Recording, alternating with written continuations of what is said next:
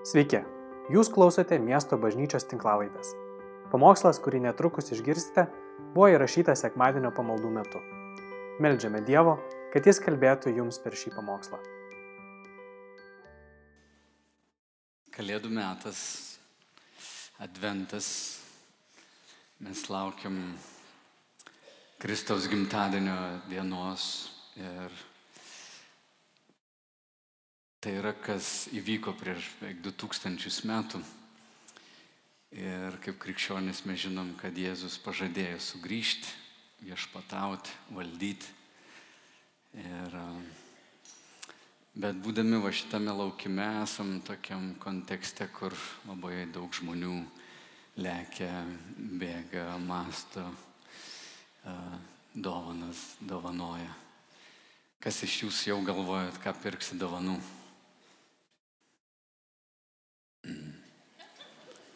Jūs visi beveik serga tą lygą, kur darot paskutinę dieną. Gruodžio 23. Lėksit apsipirkti. Tiesa? Jau turit kažkas iš AliExpress užsisakė spalio mėnesį. Žinom ir tokius. Jūs taupat, išmintingai darot. Šiandien noriu kalbėti jums apie, apie pinigus, kaip mes leidžiame pinigus. Gal ne visi pagalvojate apie tai, kad pinigai yra dvasinis dalykas. Kartais žmonės netgi turi tokį dualistinį tokį požiūrį ir sako, na, bažnyčioje apie pinigus negalim kalbėti. Reikia apie svarbius dalykus, dvasinius kalbėti. Aš trumpai norėčiau jums įrodyti, kad pinigai yra labai dvasinis dalykas. Pinigai, žinoma, kažkada senovėje buvo atspausdintas lapelis, ant kurio buvo parašyta, kad kažkur tu esi pasidėjęs aukso. Visi pinigai buvo paremti auksu, šiandien jau taip nebėra, yra kiti ekonominiai gal svertai, bet realiai pinigas yra įrankis mainams. Jeigu tu turi pinigų, tu nueini parduotuvę, nusiperki arba paslaugą, arba daiktą, ar ne? Mes dabar ir pinigų jau nebelabai matom, jie vaikšto kažkur bankė, Bet galim pagalvoti ir apsigauti, kad pinigai yra toks na, materialus dalykas, nors visi turbūt žmonės suvokia jo galę. Jeigu aš dabar sakyčiau, duosiu tūkstantį eurų, jeigu kas nors galėtumėte ateiti ir man pagaminti cepelinų namuose, ir turim tokių norinčių, ok, dvi rankos, matot, kaip greitai veiksmas vyksta, bum. Žiūrėkit, aš nusiperku žmonių pastangas, jie sako, kas taip tokią sumą galėtų sumokėti už cepelinus. Wow, jėga. Ir kuo daugiau pinigų turi, tuo daugiau galimybių. Tu gali nusipirkti paslaugų arba daiktų. Kas iš jūsų turit nekilnojamo turto? Okay. Dabar pagalvokit, kiek jis vertas. Jūs mastot, turit namą, būtą, gal tai 50 tūkstančių eurų, gal 100 tūkstančių eurų, gal daugiau. Ir tu sakai, va, aš turiu turtą nekilnojamą, jis vertas labai daug. Ir tu galvoji, kad tai yra tiesiog materialus daiktas, jis yra įvardintas kažkokia pinigų suma. Bet jeigu aš galėčiau jūs įtikinti, kad ekonomika lėtėja, ir jūs girdėjote jau apie tai, tavo turtas iš tikrųjų jo vertė tik krenta. Jeigu visi apie tai pradėsim kalbėti. Ir jeigu visa Lietuva patikės, kad iš tikrųjų yra grėsmė, netgi karo grėsmė, aš noriu pasakyti, parduok savo namą šiandien, kol dar gali, nes rytoj jo kaina bus per pus mažesnė. Ir jeigu jūsų čia daug kas patikėtų ir Lietuva patikėtų, tai žinai, kas su tavo namu atsitiktų, jo kaina per pusę sumažėtų. Plytos niekur neišėjo, vonė liko ta pati, bet staiga kaina sumažėjo vartojimas sumažėja, ekonomika visa buksuoja, kainos krenta, žmonės nori išgyventi, jie tada leidžia viską, kad kažkaip judesys būtų. Ir jūs matot, kad tas popierėlis, už kurį galėjai nusipirkti būtą, staiga gali nusipirkti labai nedaug.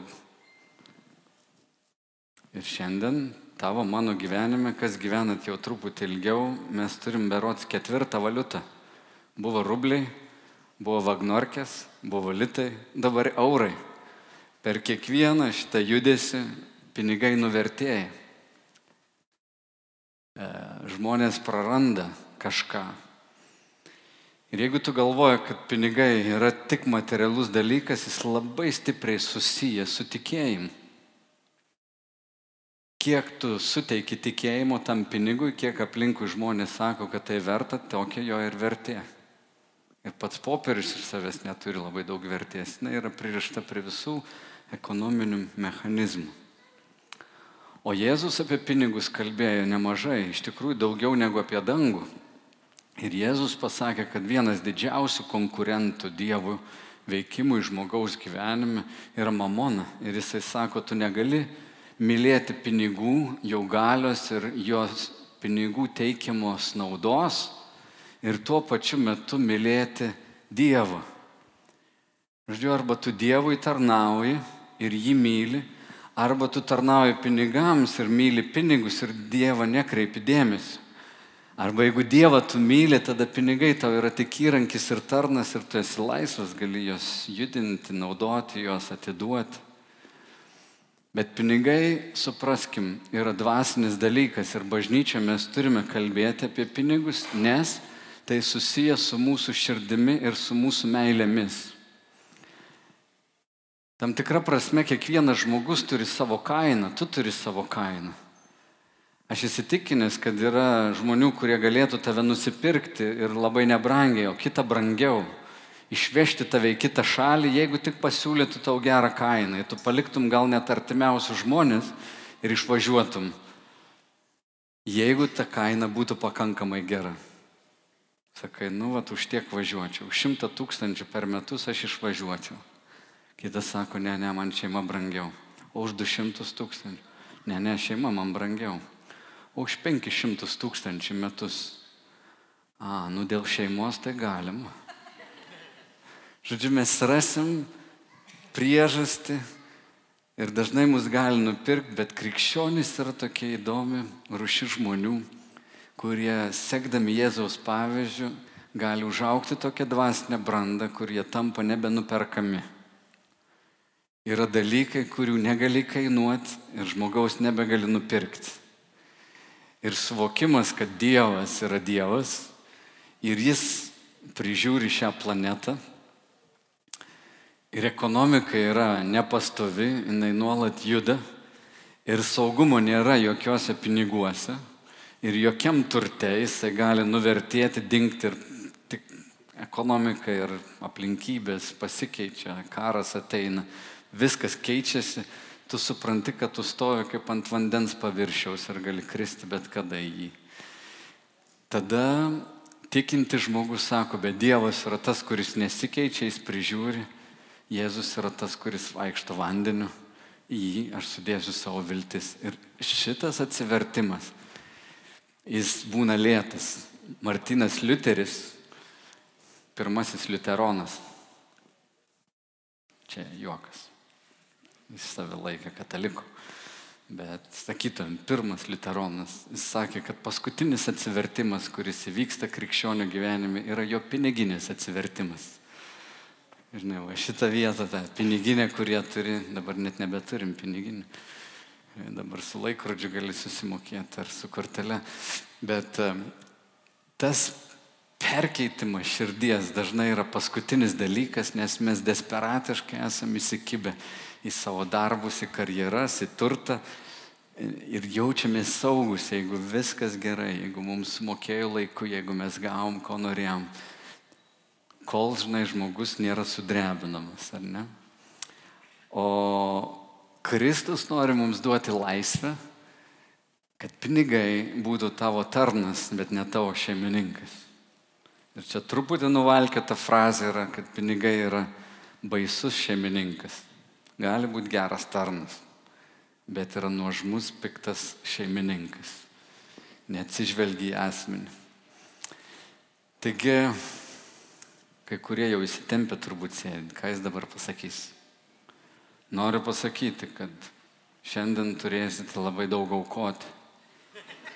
Kiek atsinešėte, paprašysim visus atidaryti piniginės ir viską mesti. Kreditinės kartu su pinkodu. Niekad mes bažnyčia čia spaudimo nedarom, nes viskas turi vykti širdyje. Tai turi tik iš širdies ateiti. Bet aš viliuosi, kad mes apmastysim, kur yra mūsų širdis. Ir šiandien noriu kalbėti jums apie tai, kaip mes galim dovanoti dovanas Kalėdų metu. Pakviesti Kristų į Kalėdas. Taigi čia tokia kaip ir įžanga yra. Bet šiandien dovanoms yra išleidžiama labai daug. Gal galim parodyti skaidrę, kur yra surašyta, kiek kai kuriuose šalyse vienas žmogus išleidžia kalėdiniam dovanom. Ar galim uždėti, Edmundai? Ar matot, Junktinėse valstijose 900 dolerių, karal, Junktinėje karalystėje 321, Ispanijoje 252, Rusijoje 115, Lenkijoje 107, gal mes panašiai kaip Lenkija. Čia berots 18 metų yra uh, statistika. Vienas žmogus tiek išleidžia, tai jeigu vaikas tiek neišleidžia, tėvai dvigubai išleidžia. Amerikoje tai yra apie vieno trilijono verslas per kalėdas. Ir žinot, kitą skaidrę galim parodyti, kai kurie žmonės uh, net prasiskolina, o kiti e, net daiktus parduoda. 14 procentų žmonių 18 metais net pardavė kažką tam, kad nupirktų dovanų. Žodžiu, biznis nerealus yra. Žmonės leidžia. 28 procentai, trečdalis žmonių net prasiskolina. Prasiskolina ta prasme, kad kreditinė kortelė perka ir įlenda į skolą, kad kažkam galėtų padovanoti. Tai čia galim švesti visi, ar ne? Nes žmonės tokie dosnus. Tiek dovanoja. Aš dar pastebėjau tendenciją, kad kartais vyrai savo brangiausias dovanas mėgsta pasidovanoti. Taip, ne? Taip. Ačiū, kad pripažįstate. Anoniminiai leidėjai pinigų sėdi čia. Bet iš tiesų labai daug žmonių perka ir mes e, turim atkreipti dėmesį, e, kas vyksta. Praeitą sekmadienį aš surašiau dešimt taisyklių, kaip sulėtėti. Šiandien sugalvojau, e, skaitydamas ir iš savo praktikos devynis patarimus, kaip išleisti mažiau. Mes paskui eisim prie Dievo žodžio. Bet žmonės mėgsta devynios priežastys, kurios pakeis tavo gyvenimą. Taigi, devyni patarimai kaip neišlaidauti. Pirmas. Visuomet pripažink Dievą savo gyvenimo ir pinigų viešpačių. Manau, kad nuolat turėtum pripažinti, kad tu esi tik patikėtinis. Kai išsitrauki pinigus, galvok taip. Man patikėti šitie pinigai. Aš dirbau, aš užsidirbau, aš dėkoju Dievui už gyvenimą, už visas galimybės, bet viešpats yra mano pinigų šeimininkas. Jis yra mano gyvenimo šeimininkas, čia kaip krikščionis. Tada tu galvoji, ar aš atsakingai leidžiu tos pinigus, ar Jėzus laimina tai ir džiaugiasi. Tai labai gera apsauga. Paprastas patarimas. Antras dalykas, ko kiti žmonės nedaro, bet sek savo pinigus. Žiūrėk, kur jie keliauja. Tu turi prižiūrėti, kaip juda pinigai. Ir negalvo, kad pinigai nėra svarbu. Sakai, ai, aš dvasinis žmogus, aš neseku pinigų. Jie patys gyvena. Tai jeigu tu jų nevaldai, jie tave valdys ir tau visada trūks. Bet į pinigus reikia žiūrėti rimtai kaip į patikėtą turtą, kurį naudoji irgi kartu su Dievu. Trečias dalykas - venk emocinio pirkimo. Kai sugalvosi, čia mano taisyklė ir mūsų šeimoje yra, ir mes su vaikais tą darom. Kai sugalvoji, ką nors pirkti, duok savo dvi savaitės pagalvoti. Trečią dieną būna, kad užmiršti, kad tau reikia to daikto. Dvi savaitės sugalvoji pirkti. Ir sakai, gerai, po dviejų savaičių aš pirksiu, bet dabar dvi savaitės palauksiu ir žiūrėk, kas vyksta. Ir jeigu tau tikrai to daikto reikia, ta meilė to, tam daiktui arba jo poreikis nedingo, tai gerai, paplanuok, bet skirk savo laiko tiesiog sustoti ir neišleisk iš karto. Atėjai į parduotuvę ir tau įvarė tokį stresą, kad toj tos prekės nebebus ir tu bėgi, tai pirk neskubėk, sustok. Kitas dalykas - išlaidas planuok iš anksto. Susirašyk. pažiūrėk, nuspręs, kiek tu galėsi išleisti lėšų per šios metus arba per šias kalėdas. A, nesisteng padaryti įspūdžio kitiems. Kai kaimynai pradeda, žinai, girliandas tas kabinti, tu galvo, pas jį tokios gražios, pas mane nėra. Būtų fainai gražesnės nusipirkti. Aplenksiu. Žinai, nusipirko kažkas tą daiktą ir visiems toks, nu, bent jau tokį, bet būtų faina dar geresnį. Žinote apie tas lenktynės? Vyksta tokie dalykai? Ne su jumis, su kitais. Kaiminystė, jūs matot, kaip tie kaimynai pasileidžia ir lenktyniauja vienas. Mes taip nedarom. Bet uh, toks Davis, Dave Ramsey yra Amerikoje toks finansų gurų krikščionis. Jisai sako, mes perkame dalykus, kurių mums nereikia, už pinigus, kurių neturime, kad padarytume įspūdį žmonėms, kurių nemėgstame. Man atrodo, tai tiesa, kartais papuolam į, tokį, į tokią problemą. Atpažink, kokie įpročiai sunkia tavo pinigus arba kas tave, tavo biudžetai išsirbė atpažink, yra įpročiai galbūt, kuriuos tau reiktų irgi pakeisti. Kažką tu vartoji, kažką naudoji ir tu galėtum peržvelgti tai. Dar vienas dalykas, nesiduok apgaunam, apgaunamas rinkodaros triukais. Rinkodara yra susirūpinusi vienu dalyku, kad parduoti prekę. Mes suprantam, kad vartojimas yra mūsų klestinčios visuomenės variklis ir žmonės yra skatinami vartoti. Mes gyvenam gerai dėl to, kad visi vartoja. Ir aš nesu prieš vartojimą, aš esu prieš per didelį vartojimą. Jeigu žmonės perka, ko jam nereikia, arba jie kas metus turi vis didesnį televizorių įsigyti, aš galvoju, tai yra neišmintinga, tai yra planetos šiukšlinimas. Aš verčiau net naudotus rūbus perku, kad mažiau šiukščiančiau planetą ir jie man tinka ir man patinka ir man nebūtina eiti naujus nusipirkti. Čia mano toks žvilgsnis į gyvenimą. Bet daug žmonių tiesiog lėkia ir pasiduoda va tam emociniam pirkimui, nes rinkodarininkai yra nusitaikę į žmogaus silpnybės.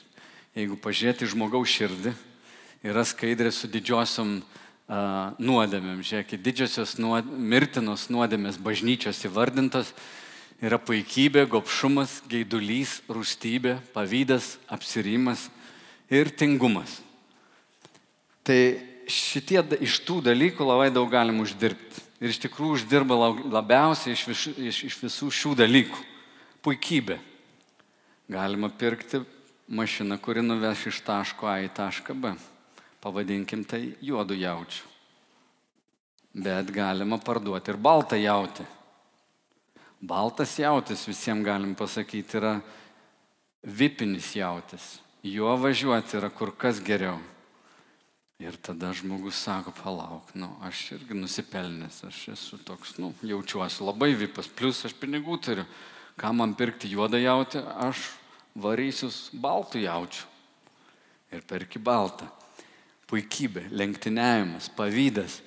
Į tai yra taikoma sukelti baimę žmogui, kad kažko nebeliks, kažko nebus, arba tu nusipelnai. Tu nusipelnai to. Nu, visos moteris nusipelnėt naujos suknelės. Visada. Geras jausmas toks. Nu tikrai, nu, taip sunkiai dirbau šiais metais. Necituokit manęs, e, moteris. Paskui mane už kampo kas nors primuš, sakys, ką tu žmonai pasakėjai. Ja, jinai nubėgo, naują suknelę nusipirko. Bet mes turim suprasti, kad jie bando parduoti, tie, kurie yra prekyba, ir čia gal prekybininkų yra,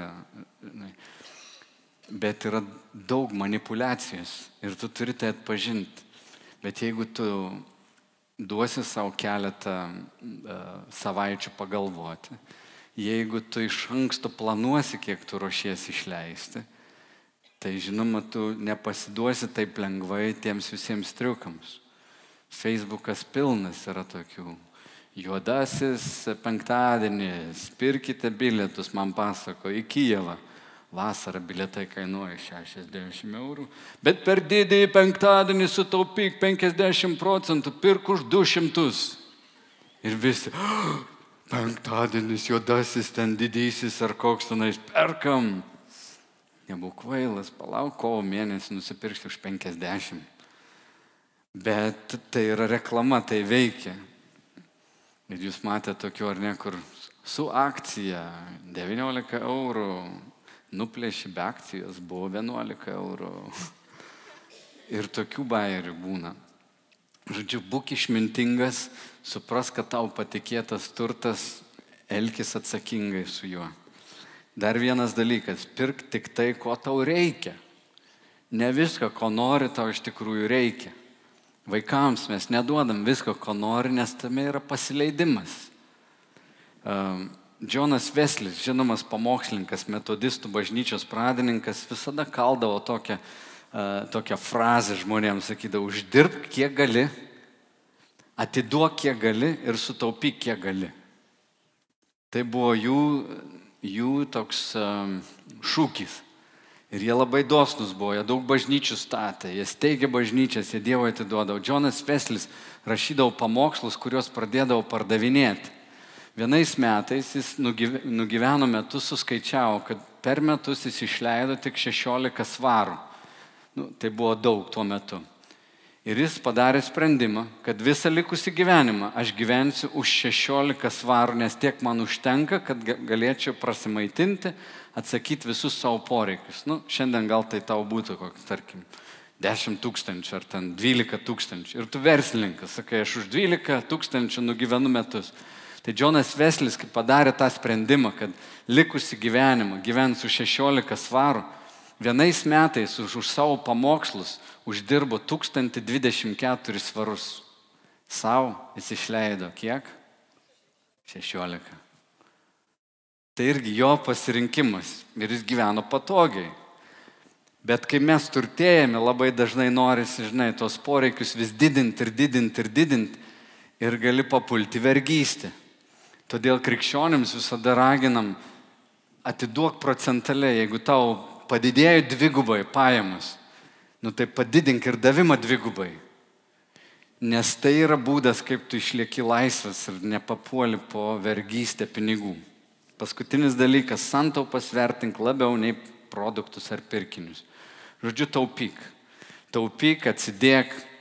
Beveik statistiškai visi žmonės gali gyventi be 10 procentų ir gal be 20 procentų savo pajamų. Kas neseka, dažnai tos pinigus kažkur išmėto ir tu nesupranti, kas, kas vyksta.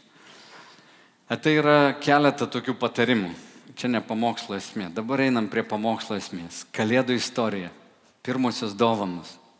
Mato Evangeliją mes skaitom. Matas rašo, Jėzui gimus judėjus Betlėjoje karaliaus Erodant dienomis Štai atkeliavo Jeruzalė išminčiai iš rytų ir klausinėjo, kur yra gimė žydų karalius. Mes matėme jo žvaigždę rytuose ir atvykome jį pagarbinti. Sustokim čia trumpam. Išminčiai. Matėt jūs paveikslėliuose, išminčiai dažniausiai tokie trys senukai keliauja. E, mes nežinom, kiek jų buvo.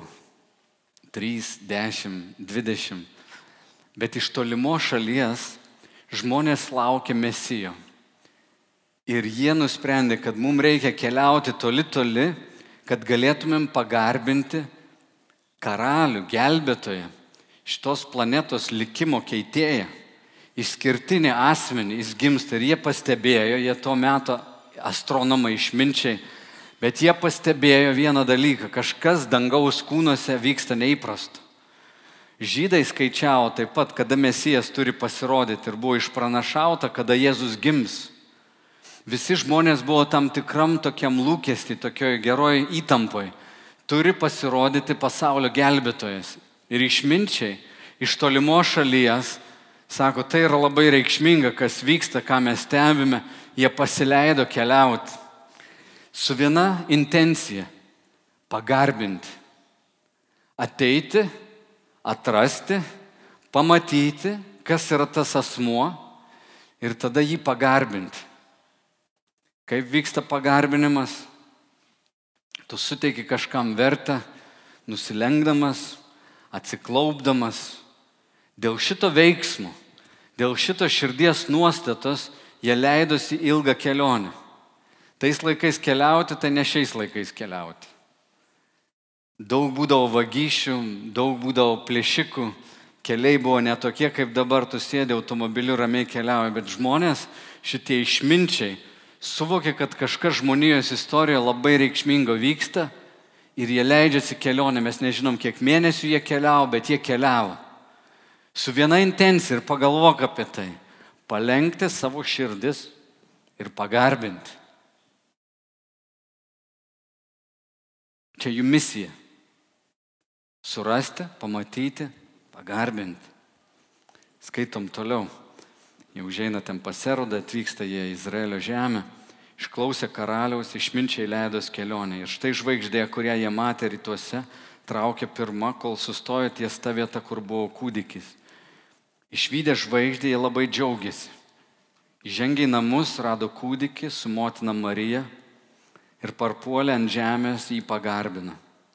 Jie atidarė savo brangenybių dėžes ir davė jam dovanų - auksas, milkalų ir mirus.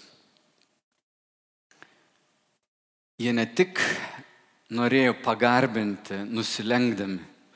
Kai jie įėjo, jie visi atpažino, kad tai kūdikis, manau, nieko įspūdingo nebuvo. Mes žinom, kad Jėzus gimė prakartėliai tiesiog tvarte, ne karaliaus rūmose. Jie buvo nustebę kažkaip, vat, tas vedimas atvedė jos iki tokios paprasčiausios varganos vietos. Ir tie išminčiai jų gal, aš nežinau, kiek jų buvo, gal ir dešimt. Tik aš žinau, kad keliaudami su brangenybių dėžėmis jie tikrai turėjo turėti rimtą apsauginių kompaniją. Tikrai tai nebuvo trys žmonės, žinai, su aukso dėžėmis, taip, du mėnesius.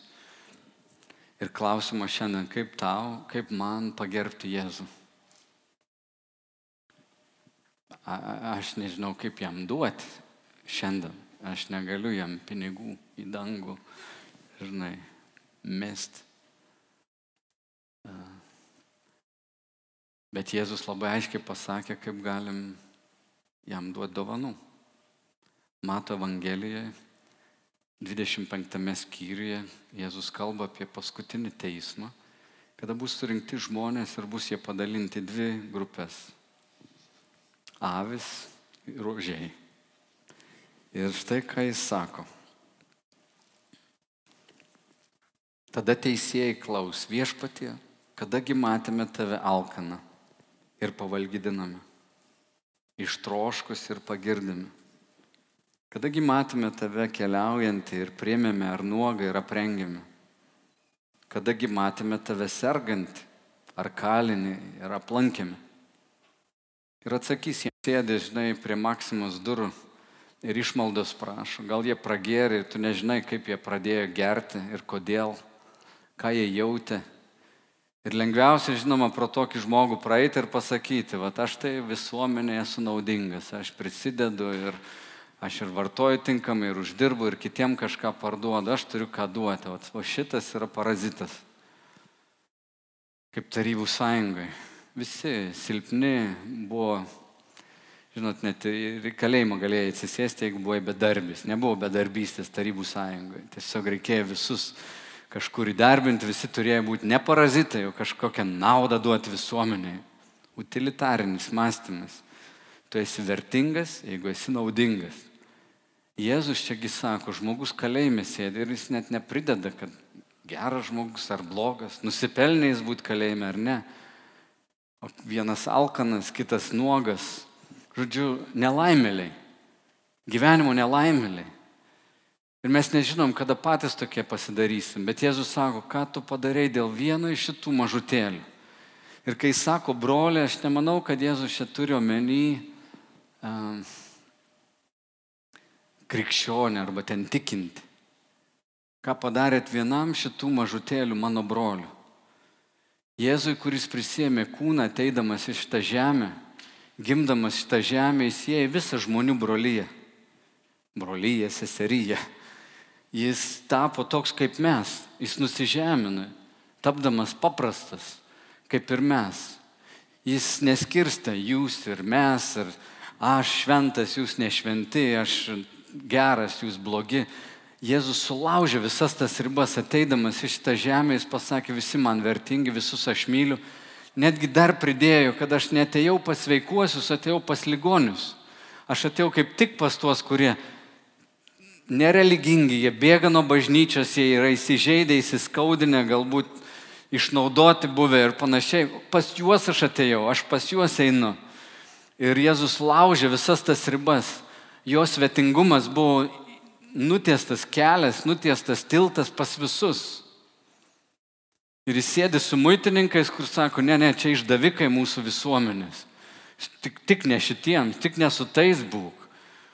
Su prostitutėm, Bet Jėzus matė, aš galvoju, kad netgi dievišką savo išmintimis galėjai suvokti, kaip mergaitė tampa prostitutė. Kai kurie iš jūsų turbūt žinot, kad daug mergaičių, kurios šiandien parduodamos, jos važiuoja tiesiog dirbti kavinę ir atsiduria vergystė. Ir lietuviai, bent jau prieš keletą metų iš Lietuvos mes buvom pirmi, pagrindiniai pre, prekybininkai žmonėmis į Junktinę karalystę. Po mūsų tik Lenkai buvo. Ir manau, kad situacija šiandien panaši tos schemos veikia, yra piktų žmonių, kurie naudojas. Tokios moteris, kai jos grįžta atgal su daužytais gyvenimais, vergystėje realiai pabuvę jo atstovas, ambasadorius. Ir jeigu Jėzus nori pakeisti žmonių sampratą, kad bažnyčia tik pinigų nori, arba yra savanaudiška, arba kažkokia engianti, arba, žinai, psichologinį spaudimą daranti, arba kaltes verčianti ant žmonių, tai Jėzus nori pakeisti tą sampratą Lietuvoje kad bažnyčia yra palaiminimas, kad bažnyčia yra dosni, kad bažnyčia gali atkreipti dėmesį į, į vargšus. Ir jis neturi kaip to padaryti. Jis tai gali padaryti per tave mane, jeigu mūsų širdyse mes sakom, Dieve, okei, okay, neturiu meilės, šiaip nepatinka žmonės, negaliu pakęsti blogo kvapo, kada žmogus gyvenantis, žinai, gatvėje smirdė, nesiprausęs, aš man sunku Dievą net prieiti. Gal jis tave ne pas tą nukreips. Bet realiai Jėzus neturi kitų žmonių. Tik tie, kurie įtikėjo, pasakė, Jėzu, tu mano viešpats, dvasia sako, eik, pamilėk tą žmogų, per, nes aš neturiu kitaip kaip. Ir tau nereikia visos klaipėdas gelbėti, tau nereikia visko atiduoti. Tau reikia tik atsiliepti tai, ką Jėzus tau parodys. Ir mes prašom viešpatė, kad tu mums rodytum, kad patirtume tą tikrą davimo džiaugsmą. Įdėk svajones į mūsų širdis tą džiaugsmą, kada duodi žmogui, kuris niekada neatsilygins. Panaudok mus, Jėzau. Duok minčių. Kalbėk mums dabar ryt po ryt. Mes kaip bažnyčia būtum tokie, kuriais tu geries ir dėl kurių tau nėra gėda, Jėzau. Kad nebūtų gėda dėl mūsų teisuoliškumo, kad tau nebūtų gėda dėl mūsų savanaudiškumo, teisimo. Viešpatė išgydyk mus nuo tų vargų sielos, kad būtume dosnus, kad būtume tau prieinami. Ir kažkaip suvokiu Dievą, kad tik iš malonės tavo, tu netesi autorius tų norų priimti kitą į savo gyvenimą. Aš tiesiog suvokiu Dievą, kad mes labai esam vargšai dvasia, vargšai meilė. Mums reikia tavęs, Dieve. Leis mums patirti, Jėzau, tavo prisilietimus, kad iš tavo meilės gausos su nuoširdžiu nuolankumu galėtumėm pasitarnauti tau. Ir prašom tos malonės visom bažnyčiam Lietuvoje.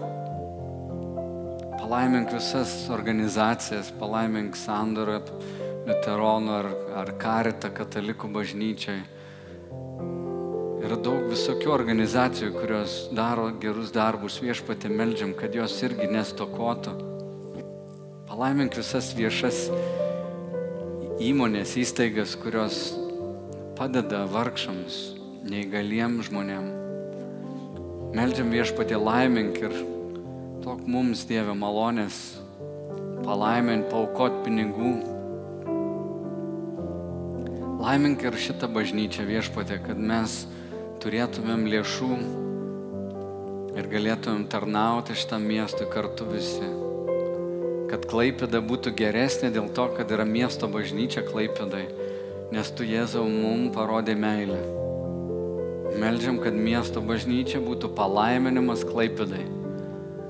Duok mums viešpaties svajonės, troškimus, būti palaiminimu, nes esam palaiminti laimina mūsų miestą viešpatė, te būna jis palaimintas, laimink viešpatė šio miesto šeimininkus, laikinus politikus, kurie turi valdžią prižiūrėti, tvarkyti miestą, laimink policiją, laimink viešpatė švietimo įstaigas, laimink viešpatė mūsų miestą, laimink verslus, ypač vidutinius, smulkius verslus, šeimos verslus, kur žmonės tengiasi, dirba Laimink viešpatė, kad jiems sektųsi, kad jie kurtų gėri tą pridėtinę vertę viešpatė. Laimink, kad mūsų tas klėstėjimo laikas šitam mieste pavirstų ir dosnumu. Laimink mūsų miestą, laimink mūsų šalį. Tavęs reikia, Dieve. Daug malonės naudoti lėšas, turtą tavo karalystės labui.